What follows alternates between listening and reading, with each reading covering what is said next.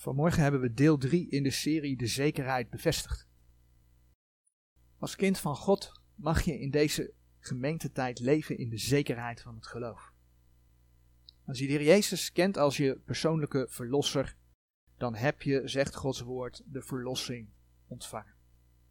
Een mooi vers waarin Paulus over de verzekerdheid spreekt is 2 Timotheus 1 vers 12. 2 Timotheus 1 vers 12 om welke oorzaak ik ook deze dingen leid, maar ik word niet beschaamd, want ik weet wie ik geloofd heb en ik ben verzekerd dat hij machtig is mijn pand bij hem weggelegd, te bewaren tot die dag. Paulus is verzekerd. En zo mag je als kind van God verzekerd zijn. Efeze 4 vers 30 spreekt over het feit dat de Heilige Geest je verzegeld heeft tot de dag der verlossing. En in dat geval is dat de verlossing van je lichaam. Je lichaam gaat nog verlost worden. Maar als je de Heer Jezus kent, dan mag je dus weten dat de Heer je komt halen. Je bent behouden, je behoud is verzekerd. Ja, en toch kom je dan soms versen tegen waardoor je denkt, maar hoe moet ik dat vers plaatsen? Versen waardoor er misschien wel een vorm van twijfel komt. Is het dan wel echt zo dat er verzekerdheid is? Er zijn immers velen die anders leren. Vaak is het een kwestie van iets wat elders altijd anders verkondigd wordt, waardoor je een vers automatisch op een bepaalde manier leest. Of een kwestie van geen rekening houden met de context, of het niet recht snijden van Gods woord, of het niet bewaren van Gods woord. Nou, de afgelopen keer dat we bij het thema stilstonden, de zekerheid bevestigd, hebben we gekeken naar 1 Korinthe 15, vers 1 en 2. En in die versen staat onder andere de zin, tenzij dat gij te vergeefs geloofd hebt. En de vraag was dus onder andere, kun je dan te vergeefs geloven? want hoe kun je nu zeker weten, dat staat ook in die verse, dat je je geloof houdt zoals Paulus het verkondigd heeft? Nou, het punt is, je kunt te vergeefs geloven. Maar je kunt niet te vergeefs een kind van God zijn. Als je naar de context van 1 Korinthe 15 vers 1 en 2 gaat kijken, dan zie je dat dat gaat over de kern van het evangelie der genade gods. En ja, Paulus laat zien in Romeinen 10 vers 9 tot en met 11 dat als je dat met je hart gelooft, beleidt met je mond, dat je behouden bent. Nou, we hebben het vergelijk getrokken met de Rooms-Katholieken, omdat we daar ook in een serie bij stil hebben gestaan bij het Rooms-Katholicisme. En Rooms-Katholieken geloven vaak ook dat Jezus aan het kruis gestorven is, in ieder geval wel volgens hun catechismus. En soms geloven ze ook dat hij dat voor de zonde van de mensen gedaan heeft. Maar als je dan er verder in gaat duiken, dan zie je dat ze niet geloven dat dat voldoende is. Want volgens de Rooms-Katholieken heb je de sacramenten nodig om behouden te worden. Behouden te kunnen worden. Dus dat is een voorbeeld van te vergeefs geloven, want je stelt je vertrouwen in de sacramenten die je haalt bij een kerk, in plaats van dat je vertrouwt in het volbrachte werk van de Heer Jezus. En dan houden zij dus het evangelie niet zoals Paulus het verkondigd heeft. Vanmorgen willen we bij enkele versen uit Galaten stilstaan. Galaten 5. In diverse kerken en groepen wordt de Heer Jezus op zich nog wel verkondigd. Ook nog wel dat je door Hem behouden kunt worden. Maar als iemand dan gaat geloven, dan komt er al gauw een maar. Maar je moet er wel naar leven, want anders ben je alsnog verloren. Of je moet niet blijven zondigen, want je kunt niet opnieuw tot bekering komen. En met diverse teksten uit de Bijbel lijkt men dat dan te kunnen onderbouwen. Maar laten we eerst die versen in Galaten 5 en dan vers 19 tot en met 21 lezen. Galaten 5 vers 19 tot en met 21. De werken des vleeses nu zijn openbaar, welke zijn overspel, hoererij, onreinheid, ontuchtigheid, afgoderij, venijngeving, vijandschappen, twisten, afgunstigheden, toren, gekijf, tweedracht, ketterijen, nijd, moord, dronkenschappen, brasserijen en dergelijke, van de welke ik u tevoren zeg, gelijk ik ook tevoren gezegd heb, dat die zulke dingen doen, het koninkrijk gods niet zullen beërven. Nou, hier staat dus dat een ieder die de werken des vleeses doet, het koninkrijk gods niet zal beërven. In Efeze 5 vers 5 kom je een soortgelijke tekst tegen. Efeze 5 vers 5. Want dit weet gij, dat geen hoereerder of onreine of gierigaard die een afgodendienaar is, erfenis heeft in het koninkrijk van Christus en van God. Ja, zo is er nog een schriftgedeelte, 1 Korinthe 6 vers 9 tot en met 10, dan kom je ook iets soortgelijks tegen. Dus de vraag kan dan reizen, als ik als kind van God zondig, en laten we wel zijn, daar in Galaten 5 vers 9 tot en met 21, dat is nogal een rijtje, wat daar genoemd wordt. Als ik als kind van God zondig op één van die genoemde vlakken, ben ik dan alsnog verloren? Nou, dan kun je je de vraag stellen als je die hele rij leest, wie is er dan wel behouden? Nou, dat je jezelf die vraag gaat stellen is niet helemaal vreemd, want dit is wat er in diverse kringen vaak wel verkondigd wordt. En ik ga een voorbeeld voorlezen uit een naslagwerk van Matthew Henry. Matthew Henry's commentaar op de Bijbel. Een stukje uit zijn commentaar bij Galaten 5 vers 21 en ik citeer een stukje. En hij besluit de opsomming met, en dergelijke ons vermanende tegen die alle te waken, indien wij hopen willen, met vertroosting het aangezicht Gods te zullen zien. Van alle deze zegt hij, ik zeg u tevoren, gelijk ik ook tevoren gezegd heb, dat die zulke dingen doen, het koninkrijk Gods niet zullen beërven, hoezeer zij zich ook met ijdele hoop vleien. Dit zijn zonden die iemand zonder twijfel buiten het koninkrijk der hemelen sluiten.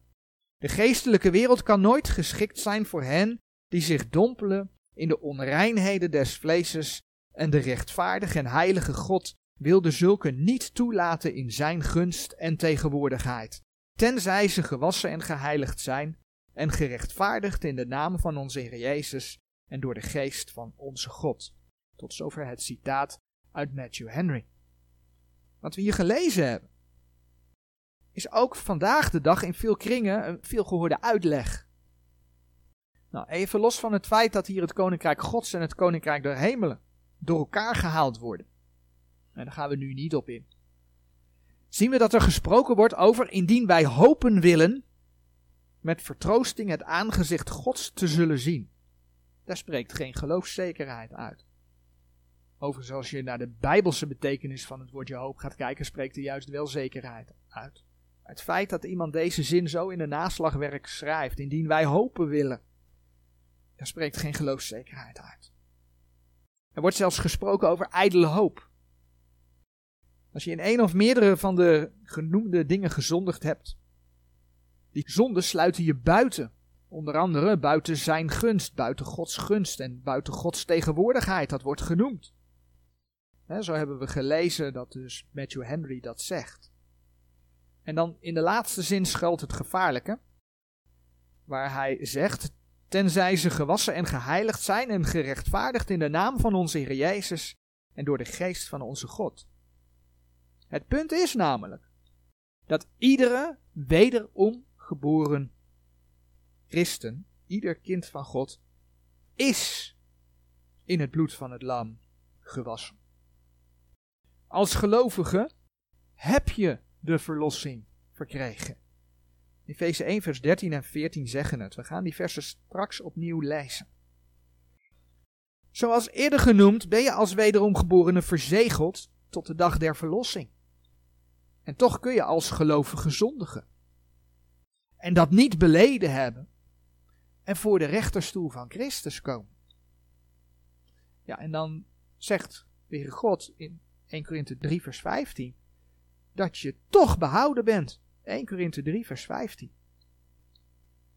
Geen onbekend vers bij ons. Maar ik lees hem. 1 Korinthe 3 vers 15. Zo iemands werk zal verbrand worden, die zal schade lijden, maar zelf zal hij behouden worden, doch al zo als door vuur. Dus al verbranden al je werken, er blijft niets voor God bestaan, zelf zul je behouden worden, staat daar. Dus hoe zit dat dan? Hoe zit dat dan? Nou, allereerst is het schriftgedeelte, wat we dus gelezen hebben, gelaten 5 vers 19 tot en met 21, inderdaad gericht aan gelovigen. Dat is wel belangrijk om te constateren. We hebben het over gelovigen. In de context, bijvoorbeeld Galaten 5 vers 13, daar lees je het volgende. Galaten 5 vers 13. Want gij zijt tot vrijheid geroepen, broeders. Alleenlijk gebruikt de vrijheid niet tot een oorzaak voor het vlees, maar dient elkander door de liefde. Vers 16 van Galaten 5 zegt bijvoorbeeld: En ik zeg, wandel door de geest. En volbrengt de begeerlijkheden des vleeses niet. Dus broeders worden aangesproken. En ze krijgen de opdracht om te wandelen door de geest. Nou, als je in de wereld nog van de wereld bent, kun je niet door de geest wandelen. Dus het gaat hier over kinderen van God, wederom geborenen. Dus gezien wat Matthew Henry schrijft, zegt hij dus inderdaad dat gelovigen buitengesloten kunnen worden van Gods tegenwoordigheid. En dan heeft hij het dus over behoud. Maar op dat moment, als je denkt aan 1 Korinthe 3 vers 15, gaat de visie van Matthew Henry dus regelrecht tegen Gods woorden in, tegen de boodschap van de Heer aan zijn gemeente in. Want ja, Gods woord is nooit in Het die zullen het koninkrijk Gods niet beërven, uit die versen van Galaten, heeft blijkbaar niet met behoud te maken. Niet met behoud van de gelovigen in de gemeentetijd te maken. Nou, het geheim zit hem in het woordje erfenis. Mensen die die genoemde zonde doen en niet beleiden, hebben geen, zoals Efeze 5 vers 5 het zegt, geen erfenis in het koninkrijk van God en van Christus. Als wederom geboren christen ontvang je in de eeuwigheid een erfenis. En dat is hetgeen wat op het spel staat als jij zondigt, als je blijft zondigen, als je het niet beleidt, als je niet wilt leven tot eer van de Heer.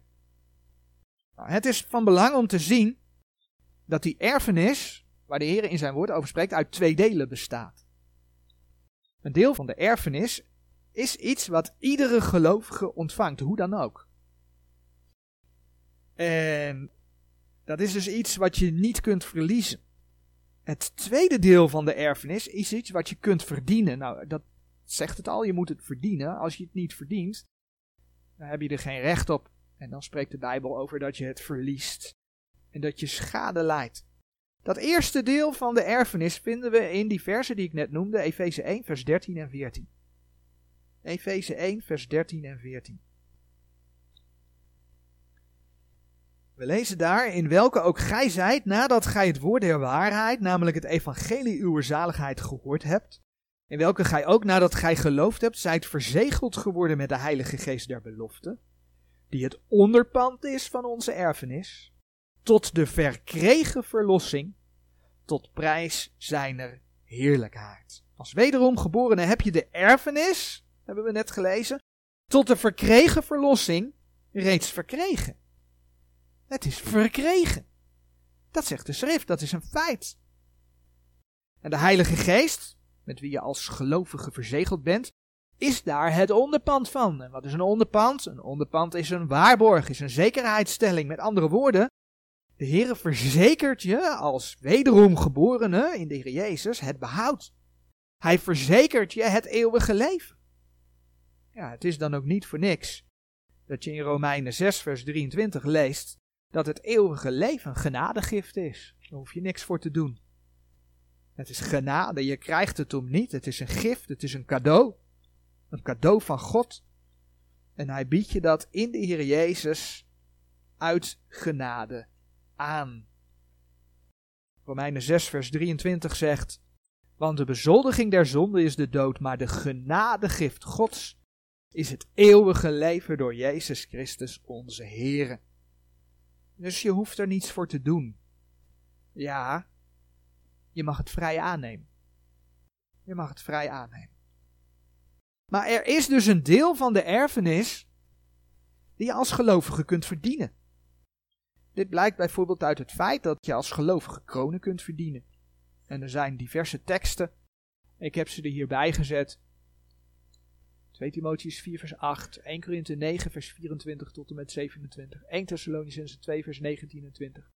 Jacobus 1 vers 12 en 1 Petrus 5 vers 4. Er mist geloof ik nog een tekst uit openbaring. Openbaring 2 geloof ik, openbaring 2 of 3. Daar lees je dat je kronen kunt verdienen. En we gaan daar nu niet uitgebreid op in. Wil je daar meer over horen, dan kun je de preek De Christen en de Erfenis van 7 oktober 2018, die staat online, kun je naluisteren. Die gaat daar specifiek over. Maar waarom kronen verdienen? Ja, dat heeft ermee te maken dat de Heer spreekt over meeregeren in zijn koninkrijk. Openbaring 5 vers 19 spreken daar bijvoorbeeld over. Alleen het bijzondere van het meeregeren in zijn koninkrijk is dat dat aan een indien onderworpen is. En dat is dus anders. Dat is geen genadegift. Zo lees je bijvoorbeeld in 2 Timotheus 2, vers 11 en 12. Dit is een getrouw woord, want indien wij met hem gestorven zijn, zo zullen wij ook met hem leven. Indien wij verdragen, wij zullen ook met hem heersen. Indien wij hem verloochenen, hij zal ons ook verloochenen. Dit verloochenen door de Here heeft niet te maken met je behoud, maar met het heersen, met hem heersen, met hem meeregeren in zijn koninkrijk. Ja, en dat komt omdat je dus iets kunt verdienen. En als je dat niet verdient, kun je ook niet met hem meeregeren. Colossense 3 spreekt over de vergelding van de erfenis. En vergelding, dat kan onder andere betekenen dat het een beloning is. En zo is het in deze context ook. De King James spreekt over een reward, over een beloning. Colossense 3, vers 23 tot en met 25. En al wat gij doet, doet dat van harte als voor de Here en niet voor de mensen. Wetende dat gij van de Here zult ontvangen de vergelding der erfenis. Want gij dient de Heere Christus. Het gaat om de beloning, de vergelding van de erfenis. En zo spreekt 2 Korinthe 5 vers 10 dan ook, en dat gaat over de rechterstoel van Christus. 2 Korinthe 5 vers 10. En dat geldt gewoon voor wederom geboren gelovigen. Want wij allen moeten geopenbaard worden voor de rechterstoel van Christus, opdat een iegelijk wegdragen, hetgeen door het lichaam geschiet, nadat hij gedaan heeft, het zij goed, het zij kwaad. Nou, ik noemde 1 Korinthe 3 vers 15 al. Als je in 1 Korinthe 3 vers 13 tot en met 15 kijkt, zie je hoe dat in de praktijk zal gaan. Voor de rechterstoel van Christus zullen de werken door het vuur gaan. Er zijn werken die blijven bestaan en dat wordt beloond. Maar er zijn ook werken die verbranden. En dan zegt dus 1 Korinthe 3 vers 15 al verbranden al je werken, zelf ben je behouden. Maar, zegt dat vers, je zult wel schade lijden. Ja, en dat heeft dan dus te maken met het feit dat als je geen kroon hebt, kun je niet meeregeren in het koninkrijk. Wat we gelezen hebben in 2 Timotheus 2, vers 11 en 12. Dat is aan een indien verbonden. Nou, een van die kronen, Jacobus 1, vers 12, is bijvoorbeeld het lijden voor de naam van de Heer Jezus. Maar zo heb je ook andere kronen, bijvoorbeeld het blijven verwachten van de Heer Jezus. 2 Timotheus 4, vers 8. Leven tot eer van zijn naam, je vlees bedwingen. 1 Korinthe 9 vers 24 tot en met 27 heb ik er drie van de vijf genoemd. Dus die teksten in Galaten 5 vers 19 tot 21 en Efeze 5 vers 5 gaan helemaal niet over je behoud. Als daar dan geschreven staat, die zullen het koninkrijk gods niet beërven. Heeft helemaal niet met behoud te maken. Het heeft ermee te maken dat als je leeft tot de eer van de Heer, dat je beloond wordt en leef je niet tot de eer van de Heer, ja, dan zul je het koninkrijk Gods niet beërven. Je ontvangt geen kronen. Je zult niet met hem terugkomen naar de aarde om met hem te regeren in zijn koninkrijk. Dat is wat de schrift laat zien. Maar je behoud als kind van God is verzekerd. Amen.